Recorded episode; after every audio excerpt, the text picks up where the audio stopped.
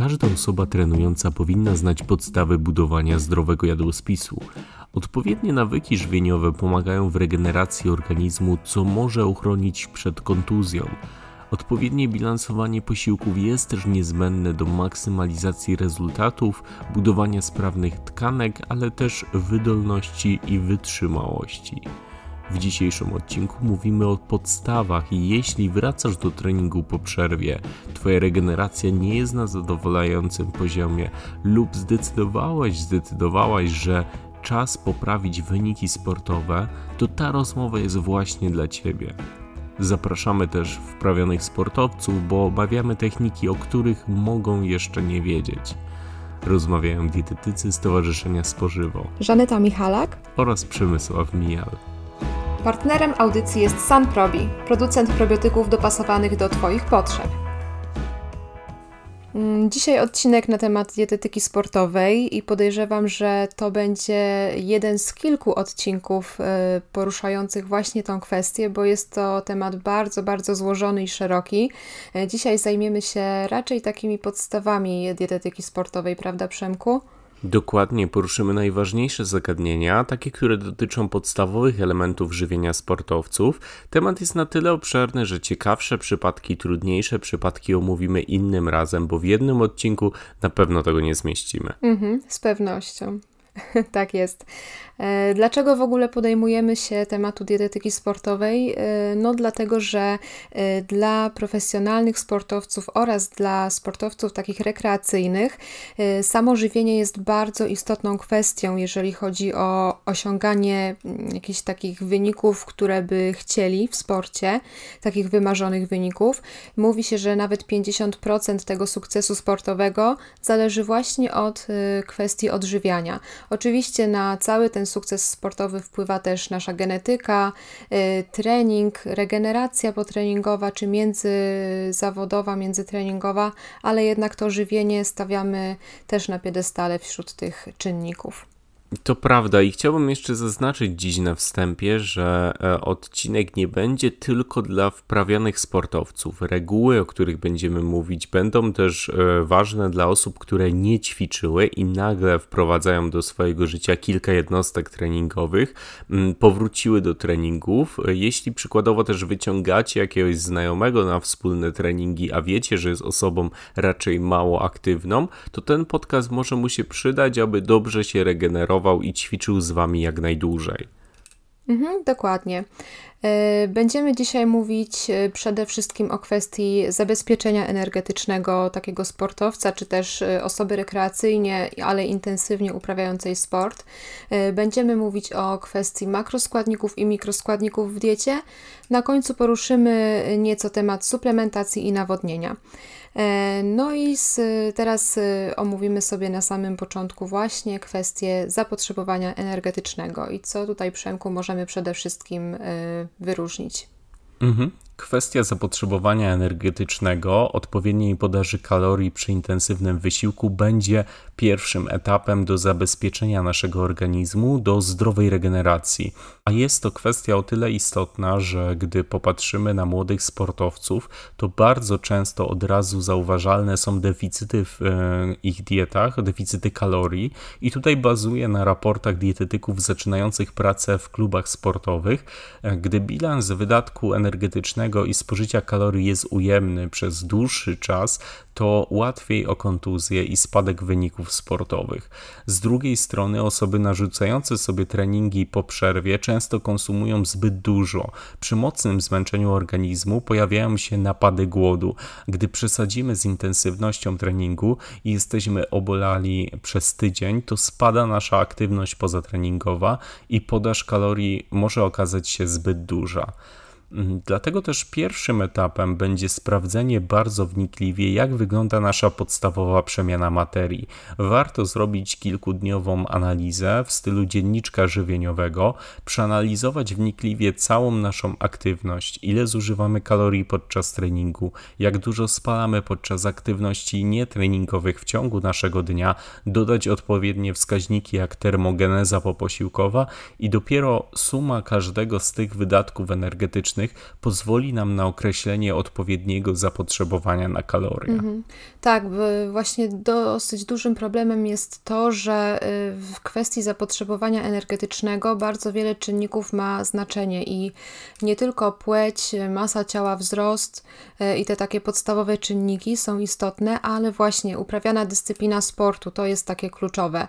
Y, nawet to, w jakim okresie treningowym jesteśmy, czy to jest bardziej okres taki typowo przed zawodami, gdzie wręcz musimy trochę stracić na przykład kilogramów na masie ciała, czy jest to okres y, typowo taki masowy, to wszystko ma znaczenie, a nawet taka, takie czynniki jak ekspozycja na wysoką temperaturę, Y, czy też nawet stan fizjologiczny, jak na przykład u kobiet menstruacja, to też y, zmienia nam już zapotrzebowanie energetyczne.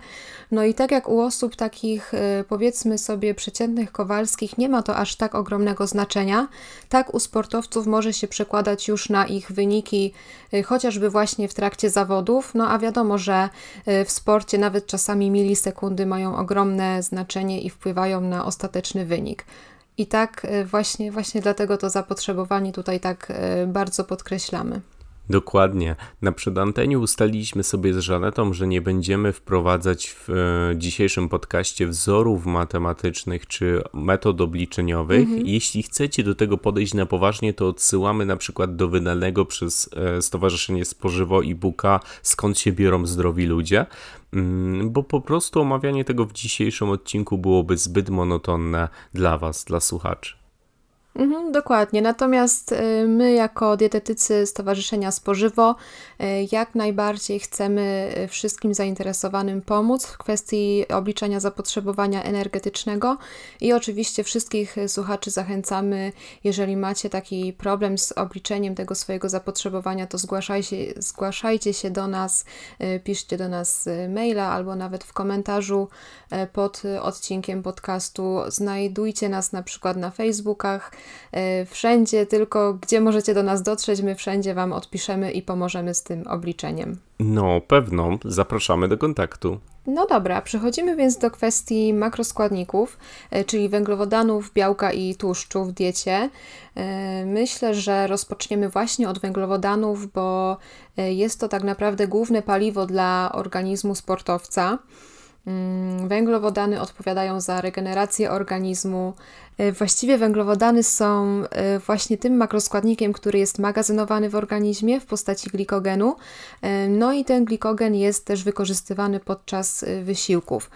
Mm, ja w ogóle jako dietetyk jestem bardzo zdziwiona, kiedy y, przychodzi na przykład do gabinetu do mnie albo mam gdzieś do czynienia z taką historią sportowca, który jest na diecie niskowęglowodanowej albo chociażby diecie ketogenicznej.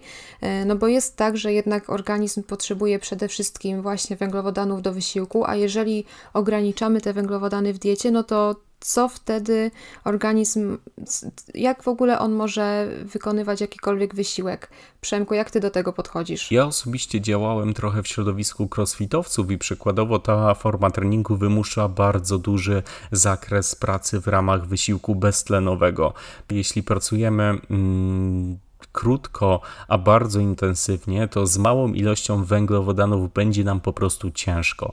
Potwierdzenie tego widziałem na własne oczy w momencie, gdy w kręgach crossfitowych na popularności zyskała dieta paleo i jeśli była prowadzona nierozważnie, to była dietą niskowęglowodanową i bardzo szybko zawodnicy zauważali spadki wyników. Za to na przykład w próbach klinicznych biegaczy długodystansowych na diecie ketogenicznej badacze obserwują obiecujące rezultaty, to znaczy ich wyniki nie są w jakiś sposób zdecydowanie lepsze, ale ciekawe jest to, że dieta wysokotłuszczowa i długi wysiłek fizyczny, tlenowy są jak najbardziej możliwe do połączenia. Podsumowując, ale też bardzo upraszczając, maraton bez węglowodanów możemy przebiec, ale w sportach drużynowych lub siłowych może być już dużo gorzej. No ale brakuje nam jeszcze badań, które pokażą, u jakich sportowców, przy jakich warunkach e, diety wysokotłuszczowe mogą mieć zastosowanie. Jeżeli chodzi o podstawy, jakie dziś omawiamy, to na pewno węglowodany są priorytetem i kombinowanie z technikami żywieniowymi bez nadzoru profesjonalisty może po prostu skończyć się kiepsko. Mhm, dokładnie. Tak jak mówisz, jest na razie bardzo mało danych naukowych, jeżeli chodzi o zastosowanie y, diety ketogenicznej w sporcie. Jeżeli już są jakieś takie badania, no to te y, badania są dosyć niskie jakościowo i wniosków z tych badań nie można przekładać na całą populację sportowców. E, natomiast jest już bardzo, bardzo y, wiele badań odnośnie diety wysokowęglowodanowej u, u właśnie w grupie sportowców. No i okazuje się, że właśnie ta dieta pozwala na zmaksymalizowanie czasu wysiłku fizycznego. I tutaj y, jedno z takich badań pokazuje, że na diecie wysokowęglowodanowej można wykonywać wysiłek do około 170 minut, podczas gdy tradycyjna dieta to jest maksymalny czas na takiej diecie, jeżeli chodzi o wykonywanie wysiłku, około 115-120 minut. A z kolei dieta białkowo-tłuszczowa, taka typowo, gdzie już bardzo ograniczamy te węglowodany, no to jest y, maksymalnie godzina wysiłku.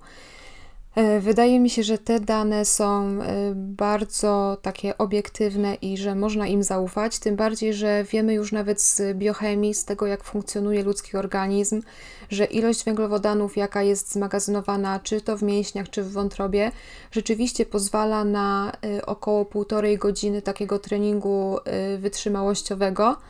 Mm, takie co najmniej powiedzmy te półtorej godziny i dopiero mm, taka ilość treningu może wyczerpać zapasy węglowodanów, które są w ciele zgromadzone. Y, jeżeli dodatkowo jeszcze spożyjemy na przykład posiłek bogaty w węglowodany, zwłaszcza w węglowodany proste, przed takim y, wysiłkiem, no to rzeczywiście możemy ten czas wysiłku zmaksymalizować, nawet do tych właśnie 170 minut albo y, nawet jeszcze dłużej pewnie, więc no, ja jestem w zupełności prowęglowodanowa i u sportowców rzeczywiście zalecam taką dietę. E, no, ale oczywiście to wszystko musi być e, w porozumieniu z danym pacjentem, z tym jak on się czuje, bo wiadomo też, że zbyt dużo węglowodanów, szczególnie węglowodanów złożonych, będzie z kolei nam mogło powodować jakieś dolegliwości żołądkowe, dolegliwości jelitowe. No i teraz pytanie, ile dokładnie tych węglowodanów w ogóle się podaje osobom aktywnym fizycznie? Ja jeszcze może opowiem o strategiach podaży odpowiednich węglowodanów w odpowiednich momentach, mm, tak aby osiągnąć pełne wysycenie węglowodanami. Warto chyba zaznaczyć dla wszystkich osób lubiących słodycze, że trening będzie w ogóle do tego cudowną okazją. W naszej diecie przeciętne spożycie cukrów prostych dodanych, czyli soków, miodów, powinno nie wykraczać poza 50 gram czystych cukrów prostych. Dlaczego? Aby nie zaburzyć glikemii. Za to jeśli intensywnie trenujemy, to dobranie odpowiedniej strategii podaży węglowodanów, takich soczków właśnie, czy żeli, czy po prostu słodszych posiłków może przedłużyć nasz trening ze względu na to, że nasze ciało odpowiednio wysyci się węglowodanami. Mm, te proste cukry będziemy spożywać około treningowo, a nawet podczas długich treningów będziemy dostarczać je dodatkowo w postaci napojów izotonicznych lub żeli ale o tym jeszcze powiemy później. E, resztę węglowodanów będziemy dostarczać przez podaż pełnoziarnistego pieczywa, ryżu, kasz, makaronów, płatków owsianych i warzyw skrobiowych. Będziemy je podawać w ciągu dnia regularnie. Musimy też zadbać, aby magazyn węglowodanów w postaci glikogenu odbudował się w całości przed następnym treningiem. E, jeszcze tutaj powiem, że w przypadku spożywania dużej ilości ciemnego pieczywa, kasz czy nasion z łuskami dostarczymy sobie dużo błonnika nierozpuszczalnego, co jest oczywiście dla naszych jelit bardzo dobre, ale trzeba pamiętać, że wymaga to też dodatkowej podaży wody. Jeśli zapominamy o wodzie, to spodziewajmy się przykrych objawów zaburzenia zaburzonej mhm, perystaltyki. Oczywiście. No i teraz odpowiadając na to pytanie, ile dokładnie węglowodanów warto podawać u sportowca, to oczywiście wszystko zależy od rodzaju treningu, od intensywności tego treningu, e, no i też od dyscypliny sportowej, od zapotrzebowania, ale mówi się, że około 5 do 10 gramów węglowodanów na kilogram masy ciała na dobę to jest taki, taka właśnie średnia wartość. Oczywiście może być tak, że e, ta ilość wzrasta wręcz do ponad 12 gramów na kilogram masy ciała na dobę, ale to już dotyczy takich osób, które trenują bardzo intensywnie, wręcz po kilka godzin e, w ciągu dnia. E, natomiast przy takiej umiarkowanej intensywności, gdzie około godzinę dziennie trenujemy, godzinę czy półtorej, no to właśnie ta dawka od 5 do 10 gramów na kilogram masy ciała będzie najbardziej odpowiednia. E, warto też wspomnieć o tym, e, że mm, jeżeli mamy wysiłek trwający do godziny, do 60 minut, to nie warto w trakcie tego wysiłku dodawać sobie żadnych już e, węglowodanów, żadnych na przykład napojów izotonicznych.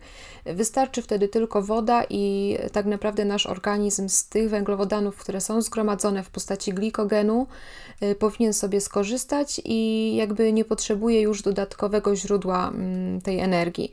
Natomiast przy wysiłkach właśnie ponad e, godzinnych Dokładnie. trzeba już uzupełniać węglowodany i pytanie teraz do Ciebie Przemku, czy mógłbyś przedstawić słuchaczom, jak wygląda taki, powiedzmy, protokół, taki standardowy uzupełniania węglowodanów? Jasne. Węglowodany w wysiłku trwającym do 60 minut, tak jak powiedziałaś, będą wykorzystywane z zasobów organizmu, z glikogenu zgromadzonego w mięśniach i wątrobie. Podczas dłuższego wysiłku zaleca się uzupełnienie węglowodanów, aby opóźnić zmęczenie i aby nadal być w stanie wykonywać bardzo intensywny wysiłek.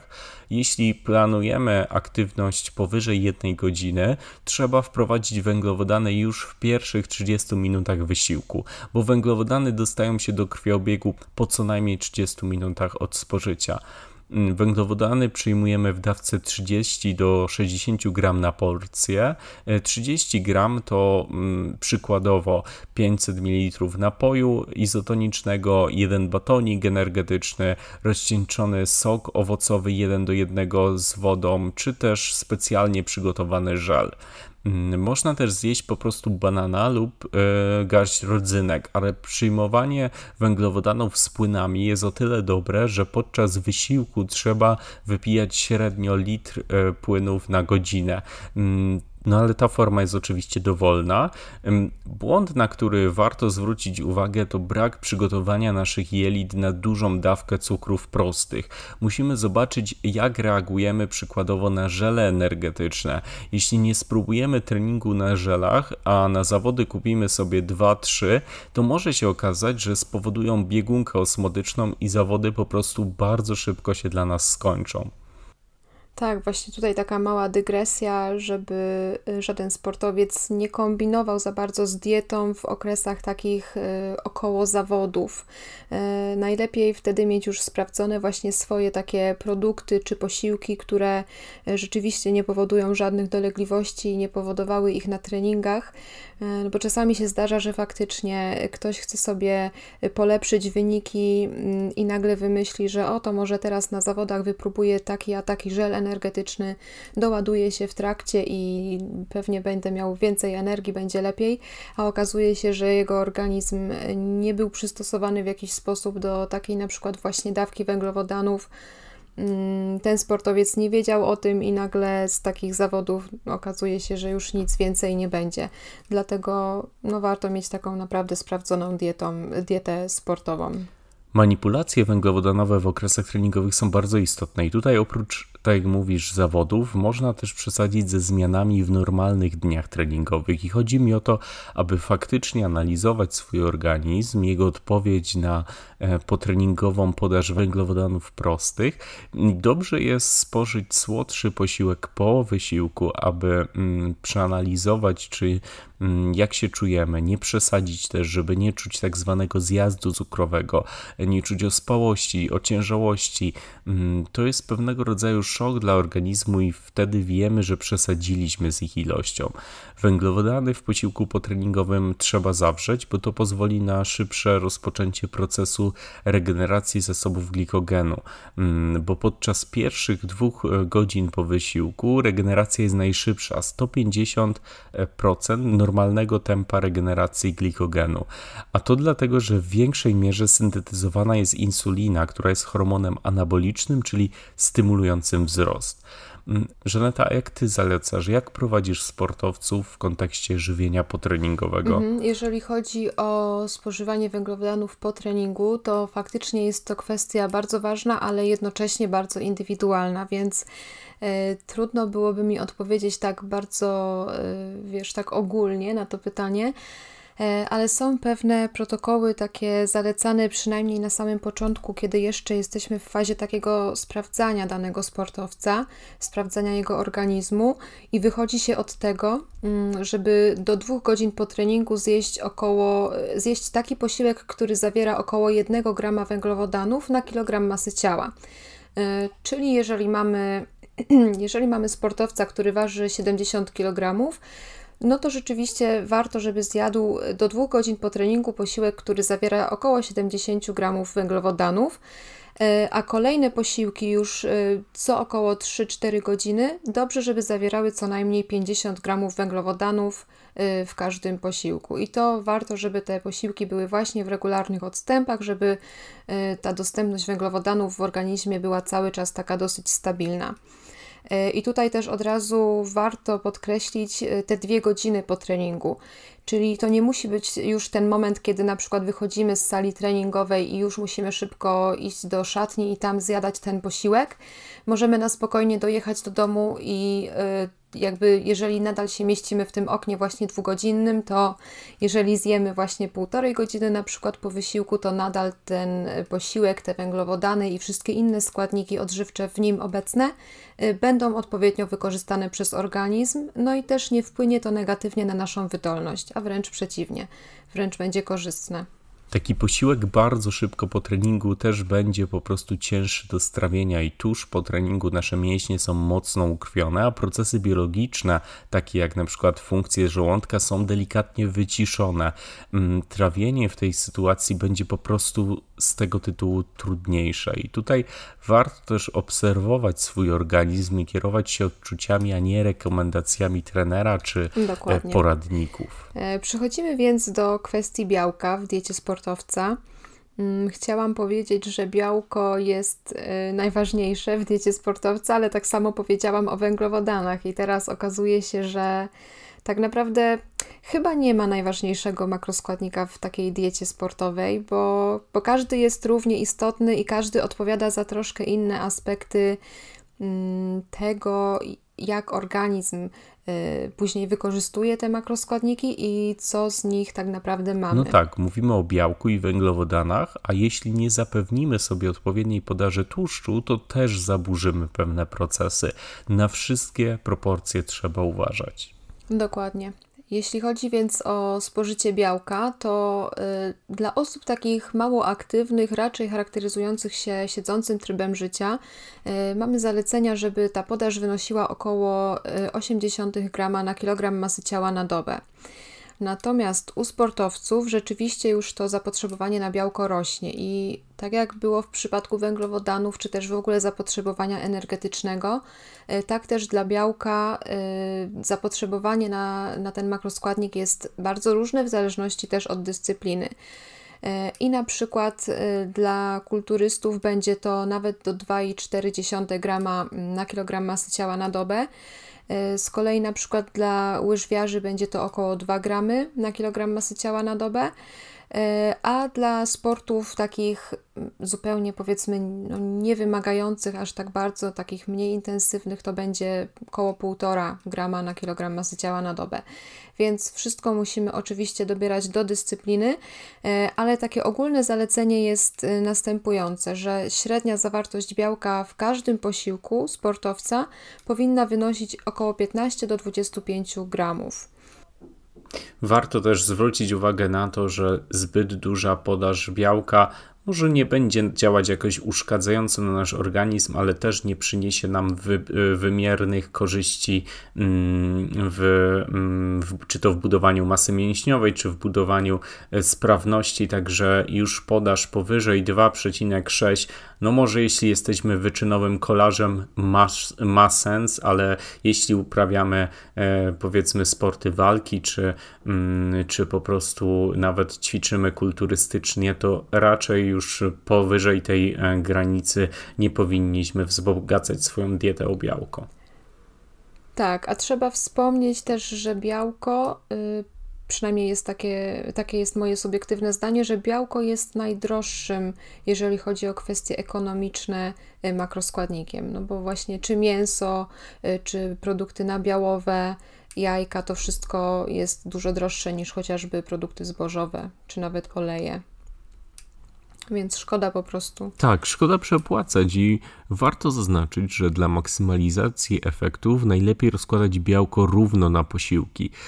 I tutaj trzeba pamiętać o tym, jakiego mamy sportowca, bo jeśli będzie to na przykład 100-kilogramowy dwuboista czy trójboista, to taki mężczyzna może mieć nawet 40-55 gram białka na posiłek i też może tutaj zaznaczę, że białko roślinne również się liczy Dokładnie. E, i białko w posiłku to nie tylko mięso. Sam makaron ma 10 gram białka na 100 gram produktu.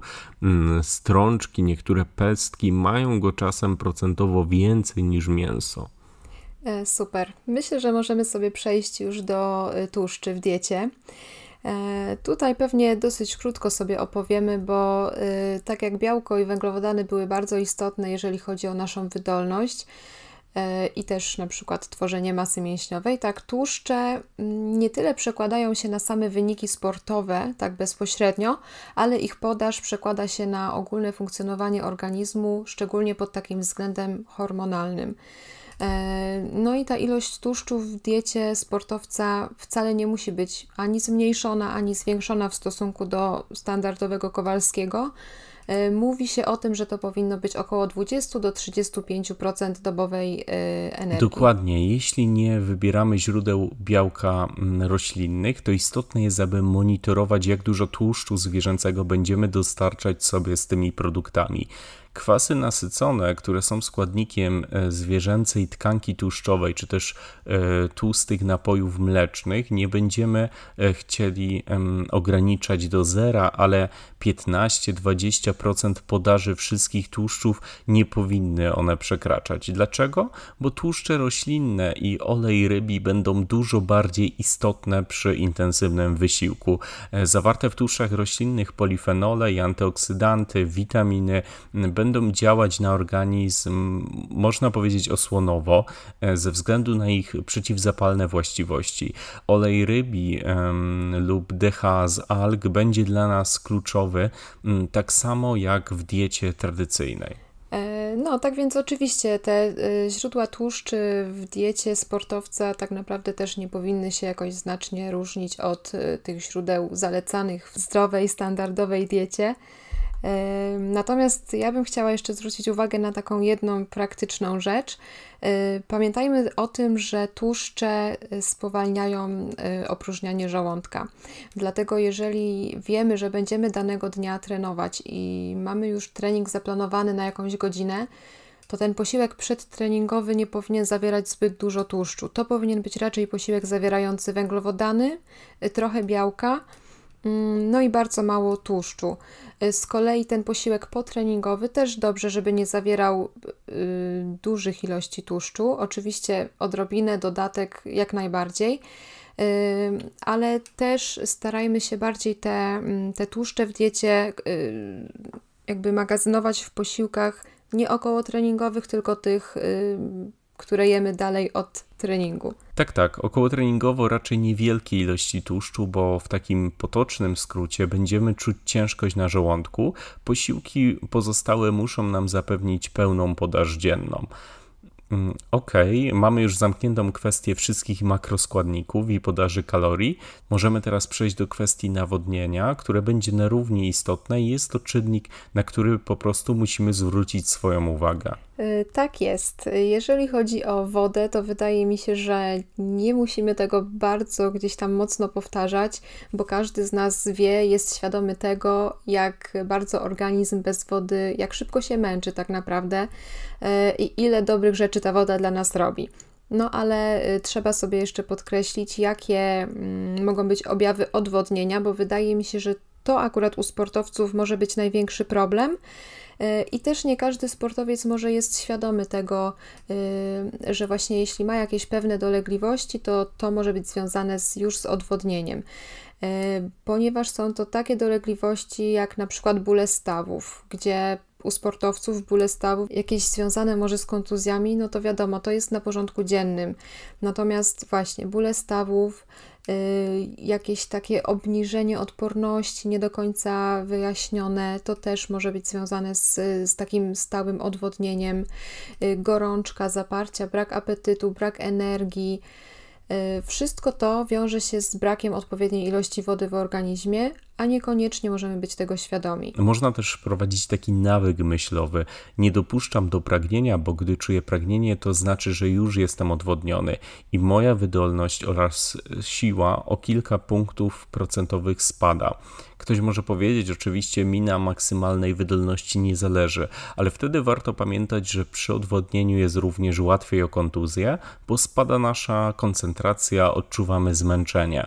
No i teraz kwestia strategii nawodnienia podczas treningu.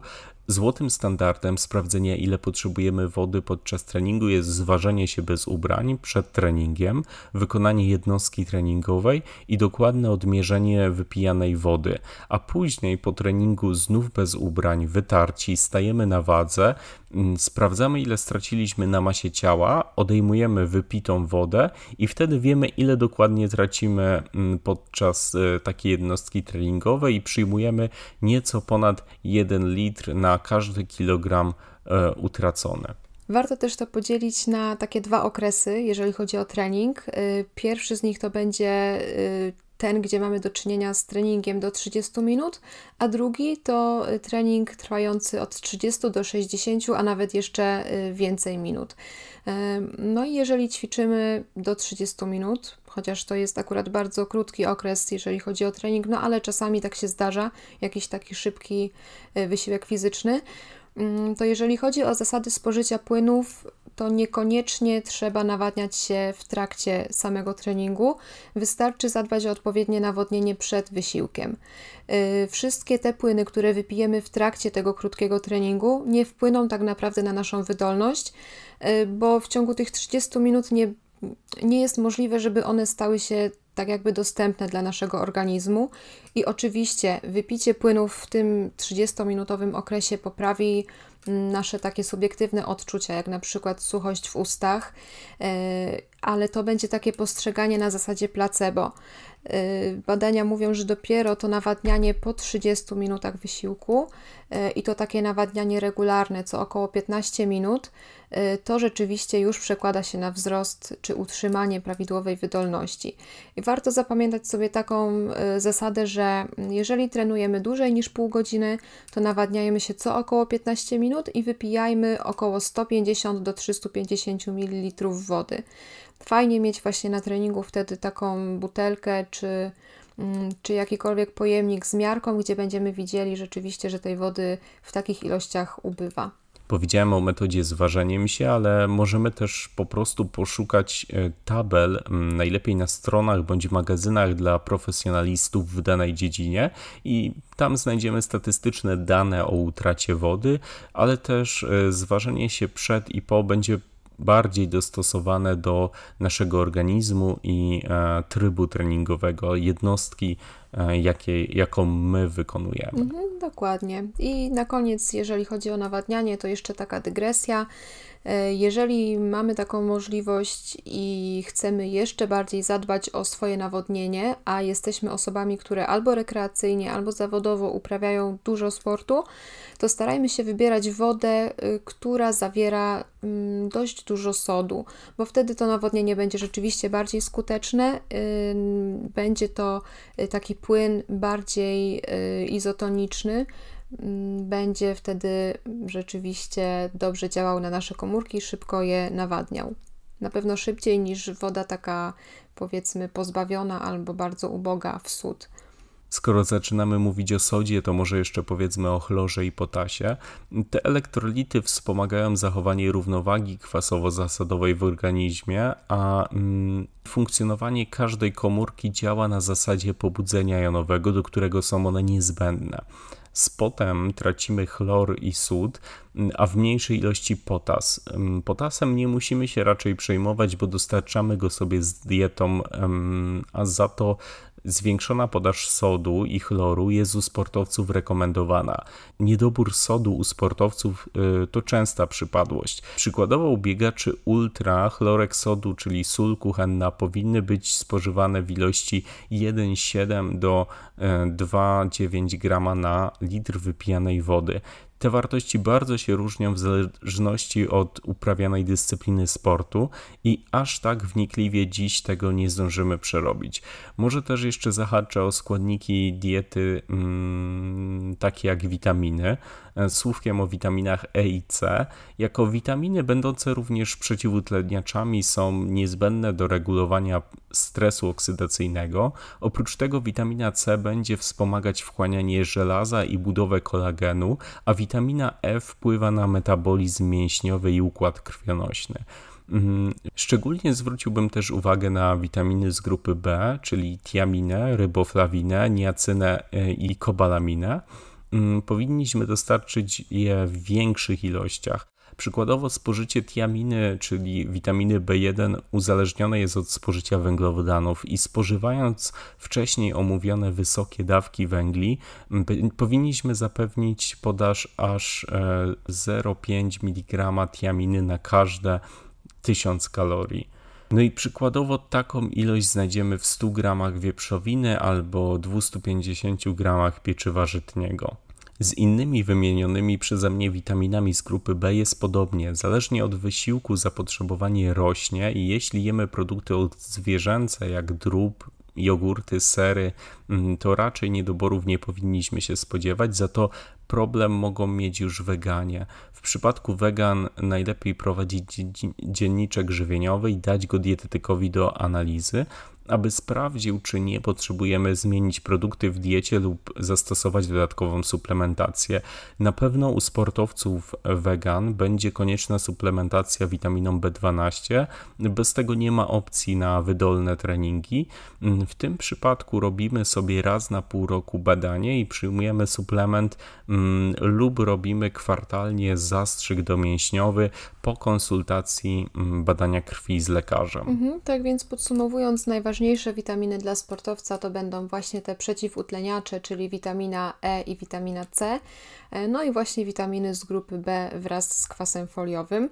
E, jeżeli zaś chodzi o składniki mineralne, które są najbardziej niezbędne sportowcom, to ja bym tutaj wyróżniła e, przede wszystkim żelazo. Magnez i elektrolity, na które składają się sód, chlor i potas. E, no i też magnez, ale oczywiście o nim już wcześniej e, wspomniałam jako taki oddzielny, bo wydaje mi się on jeszcze istotniejszy z kilku innych powodów. Mm, no i przechodząc do żelaza, mówi się o nim, że to jest tak zwany pierwiastek dobrych wyników sportowych. No bo przede wszystkim e, on odpowiada za transport tlenu w erytrocytach, w naszych czerwonych krwinkach. E, żelazo też kontroluje uwalnianie energii z komórek. E, wpływa do tego na funkcjonowanie układu odpornościowego, czyli na te wszystkie aspekty, które rzeczywiście dla intensywnie trenującego organizmu są niezwykle istotne. E, no i też, jeżeli mowa o żelazie, to warto na chwilę wrócić do witaminy C ponieważ spożycie witaminy C i żelaza w jakiś sposób nam się tutaj wiąże. E, dlatego że ta witamina jest czynnikiem ułatwiającym wchłanianie żelaza e, w organizmie. Dlatego, jeżeli zadbamy o odpowiednią podaż tej witaminy, to jednocześnie będziemy to przekładać na wchłanianie żelaza.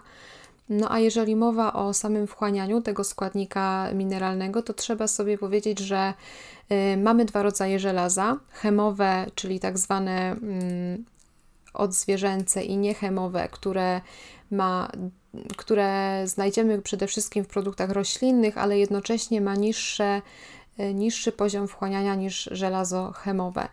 Dlatego no właśnie to jest ten też problem, o którym mówiliśmy w przypadku witaminy B12, że jeżeli mamy sportowca weganina albo wegetarianina, to tutaj trochę ryzykujemy tym, że mogą się pojawić niedobory właśnie też żelaza. I warto sobie y, też, tak jak mówiłeś Przemek w odniesieniu do witaminy B12, robić też co pół roku badania poziomu żelaza, y, chociażby poprzez zrobienie podstawowej morfologii, gdzie mamy hemoglobinę i to się przekłada też już w jakiś sposób na to, ile mamy żelaza we krwi, czy nie jesteśmy niedoborowi w ten składnik. Mhm. No tak, już któryś raz poruszamy temat y, weganizmu czy wegetarianizmu. Przy tych dietach po prostu trzeba poświęcić większą uwagę na to, jak bilansujemy posiłek, a najlepiej porozmawiać ze specjalistą. Mamy jeszcze aktywny mm, na stronie spożywa kupon kod broku z małej literki i EU na końcu. Mm, jeśli wpiszecie go przy zakupie konsultacji w naszym sklepie, a jesteście zainteresowani pracą nad dietą wegetariańską, wegańską lub wegetariańską, to otrzymacie zniżkę, no dlatego polecamy też skorzystać.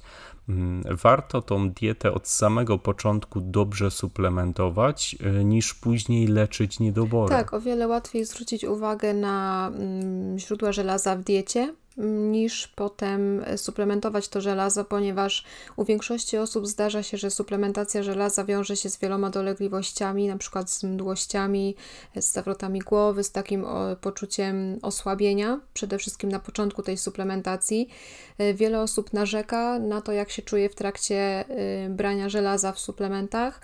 Dlatego, żeby tego uniknąć, już lepiej zadbać sobie właśnie o podaż żelaza w diecie. Jest jeszcze jeden kluczowy pierwiastek, o jakim nie powiedzieliśmy, czyli magnez. Z niedoborami magnezu wiąże się taki nieprzyjemny objaw, jak zaburzenie koordynacji mięśniowej i kontroli nad mięśniami. Mm, podczas wysiłku tracimy magnez i chciałbym podkreślić, że nie trzeba się suplementować magnezem. Mamy ogromną ilość źródeł magnezu w diecie, jak kakao, kasza gryczana czy strączki. Mhm. E, o magnezie warto właśnie powiedzieć to, że to właśnie niedobory magnezu wiążą się z tymi takimi bolesnymi skurczami, które często są e, no, dolegliwością właśnie u sportowców, u osób aktywnych, e, takie nawet poranne właśnie skurcze jeszcze takie przerywające sen. To jest, mi się wydaje, takie najgorsze i rzeczywiście bardzo bolesne. Nieraz tego doświadczyłam niestety. E, no i to już jest znak, że musimy zadbać rzeczywiście o tą zawartość magnezu w diecie. E, omówiliśmy sobie kwestię zapotrzebowania energetycznego i makro i mikroskładników w diecie sportowca. E, I jeszcze wydaje mi się, że nie wspomnieliśmy o jednym dosyć istotnym makroskładniku, bo rzeczywiście zalicza się go do makroskładników. Mianowicie mowa o alkoholu. Mówi się czasami, że na przykład piwo jest dobre na zakwasy, albo y, mówi się też, że jeżeli trenujemy, to jeden drink jeszcze nam tego treningu nie zrujnuje. Z kolei inni mówią, że jeżeli się chce jakieś takie życiowe y, osiągi sportowe osiągać, to w ogóle trzeba zapomnieć o piciu alkoholu. No i teraz pytanie, jak jest naprawdę y, i co z tym alkoholem, jeżeli chodzi o y, treningi? Tak, mi zdarzyło się słyszeć taką poradę, że piwo ma mało witamin, dlatego trzeba pić go dużo. Aczkolwiek jeśli chodzi o picie alkoholu i trening, to nie tylko nasza forma będzie stać w miejscu, ale też narażamy się na kontuzję odwodnienie, utrata elektrolitów i witamin z grupy B, to wszystko może prowadzić do problemów z koordynacją i sprawnością mięśniową. No właśnie, ta kwestia odwodnienia jest, wydaje mi się, taka najbardziej problematyczna, jeżeli chodzi o przełożenie na taką dietę sportową, bo tak jak mówiliśmy, już 1 czy 2% y, odwodnienia w organizmie to już jest istotny spadek wydolności, nawet o 20 czy 30%. E, więc Pamiętajmy też o tym, że ten powrót do równowagi po wypiciu alkoholu może nastąpić dopiero po czterech, nawet po pięciu dniach. E, I dodatkowo jeszcze, jeżeli mamy organizm, który jest na co dzień poddawany stresowi w postaci intensywnego wysiłku, to ta regeneracja, nawet poalkoholowa, może być jeszcze dłuższa. Może się to nałożyć na regenerację potreningową. No i rzeczywiście te, to obniżenie możliwości wydolnościowych jest już wtedy ogromne. A jeżeli dochodzi do obniżenia tych możliwości wydolnościowych, no to też mamy do czynienia ze wzrostem ryzyka kontuzji, urazu, już nie mówiąc o tym, że nie jesteśmy wtedy w stanie osiągać dobrych wyników sportowych. Więc jakby podsumowując, rzeczywiście te mm, te takie rady, gdzie mówi się o, o tym, żeby zapomnieć o piciu, kiedy trenujemy, to rzeczywiście, no niestety jest to prawda. Yy, ale no, oczywiście nawet sportowiec jest człowiekiem i wiadomo, że czasami alkohol może się pojawia w jego diecie. Wtedy więc warto pamiętać o tym, żeby w trakcie mm, picia alkoholu wypijać około szklanki wody na każdą porcję alkoholu. Yy, po zakończonym spożywaniu alkoholu warto wypić kilkaset mililitrów, nawet około litra wody, tak wręcz naraz. E, no i warto też pamiętać o tym, żeby po prostu nie pić tego alkoholu przed ważnymi zawodami, nawet na kilka dni przed tymi zawodami, przed ważnym treningiem, bo pamiętajmy o tym, że ta regeneracja po alkoholu właśnie może trwać wręcz kilka dni. E, mówi się też o tym, że e, jeżeli spożywamy alkohol, a trenujemy, to mm, te posiłki przed spożywaniem alkoholu powinny być bardzo pełnowartościowe, E, nawet istnieją takie przeliczenia, że powinny zawierać e, do 8 gramów białka, do 60 gramów węglowodanów e, w takim posiłku. No, to już są bardzo rzeczywiście szczegółowe rzeczy, ale po prostu pamiętajmy o tym, żeby w trakcie picia alkoholu to nie tylko alkohol lądował w naszym żołądku, żeby też właśnie nasz organizm miał czas na zmetabolizowanie go.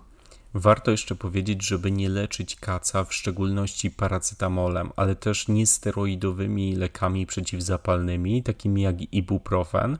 Mm, oprócz toksyczności i obciążenia już przeciążonej metabolizmem alkoholu wątroby, będziemy też wpływać negatywnie na parametry morfologii krwi. Mm, to tylko pogorszy powrót do pełnej formy i dalszych treningów. Słuchajcie, dziękujemy. E, dziękujemy za wysłuchanie tego odcinka. A o żywieniu w konkretnych dyscyplinach sportu i trudniejszych zagadnieniach będziemy chcieli jeszcze porozmawiać, e, ale już z jednym z naszych gości. Jeżeli macie propozycję, kogo y, chcielibyście wysłuchać, jeżeli chodzi o dietetykę sportową, to jesteśmy bardzo otwarci na, na te propozycje. Y, mamy nadzieję, że uda nam się zaprosić kogoś, kto y, typowo zajmuje się sportowcami, mm, takimi typowo profesjonalnymi, bo rzeczywiście temat jest bardzo szeroki. My, na ile mogliśmy, na ile nasza praktyka pozwala, opowiedzieliśmy Wam e, prawie wszystko o podstawach, chociaż pewnie moglibyśmy jeszcze dłużej mówić, bo no właśnie ta dietetyka sportowa jest bardzo złożona. E, no ale właśnie, jeżeli chcielibyście kogoś wysłuchać, specjalisty, dietetyka, może też sportowca, który, którego dieta Was interesuje, dawajcie nam znać.